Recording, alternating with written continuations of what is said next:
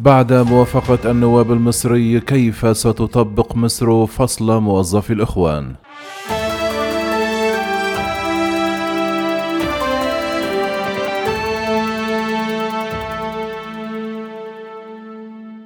بعد موافقة مجلس النواب المصري على مشروع قانون مقدم من عشرة أعضاء يستهدف فصل الموظفين المنتمين لتنظيم الإخوان والعناصر الإرهابية من الجهاز الإداري للدولة.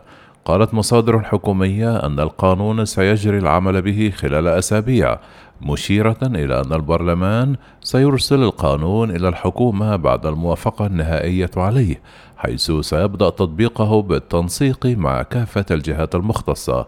أكد المصدر أن مصر تعكف على تنقية الموظفين لإبعاد المنتمين للتنظيمات الإرهابية عن الوظائف التنفيذية والمناصب الهامة داخل قطاعات الدولة.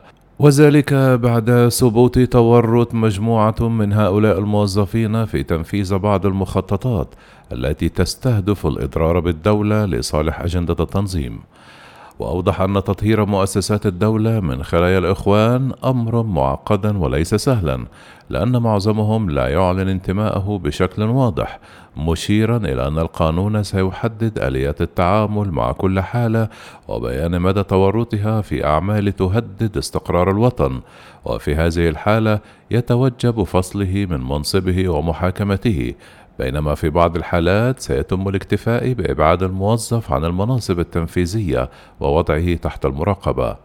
أكد المصدر أن الحكومة لن تتهاون مع أي عمل يهدد استقرار البلاد، مشيرا إلى أن الموظف أو المسؤول في المنصب الحكومي دوره تنفيذ أهداف الدولة والعمل على خدمتها، الانتماء للتنظيم وعمله لمصلحته يعد خيانة للوطن ويجب أن يحاسب عليه بالقانون.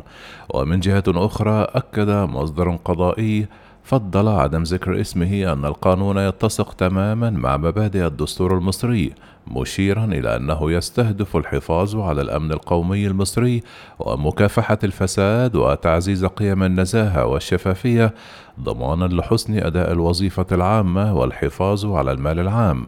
وتنص المادة 237 من الدستور المصري على أن الدولة تلتزم بمواجهة الإرهاب بكافة صوره وأشكاله. وتعقب مصادر تمويله وفق برنامج زمني محدد باعتباره تهديدا للوطن وللمواطنين مع ضمان الحقوق والحريات العامة. كما أضاف المصدر أن القانون يستهدف تمكين الجهاز الإداري والجهات التابعة للدولة من أداء دورها المنوط به قانونا استجابة لمتطلبات الدولة والمجتمع الإصلاحي الإداري التي هي في أساسها وهدفها الأسمى تقديم أفضل خدمة بأعلى جودة للمواطن المصري. أكد أن القانون يعطي الحق كاملا للموظف بالتقاضي لنفي التهمة الموجهة إليه بالانتماء للتنظيم الإرهابي، كما يمنحه الحق في الحصول على مستحقاته المالية كاملة. وتنص المادة الأولى من مشروع القانون على أنه مع عدم الإخلال بالضمانات الدستورية المقررة لبعض الفئات في مواجهة العزل من الوظيفة تسري أحكام هذا القانون على العاملين بوحدات الجهاز الإداري بالدولة من وزارات ومصالح وأجهزة حكومية ووحدات الإدارة من غير المحلية والهيئات العامة والعاملين الذين تنظم شؤون توظيفهم قوانين أو لوائح خاصة والعاملين بشركات القطاع العام وشركات قطاع الأعمال العام. وفي مطلع مايو الماضي طالب وزير النقل المصري كامل الوزير خلال جلسة عامة لمجلس النواب بضرورة تشريع قانون يقضي بمحاسبة المنتمين لتنظيم الإخوان من موظفي الدولة. قال الوزير أن وزارة النقل بها نحو 162 موظفا ينتمون إلى تنظيم الإخوان الإرهابي ويعملون في قطاع السكك الحديدية مؤكدا على أهمية تعديل قانون الخدمة المدنية لفصل بعض الفئات ممن يهددون العمل بالمرافق ويمثلون خطرا على سلامة المواطنين. وتصنف مصر تنظيم الإخوان بالإرهابي منذ عام 2013 بعد أشهر من إطاحة الرئيس الأسبق محمد مرسي إثر احتجاجات شعبية عارمة.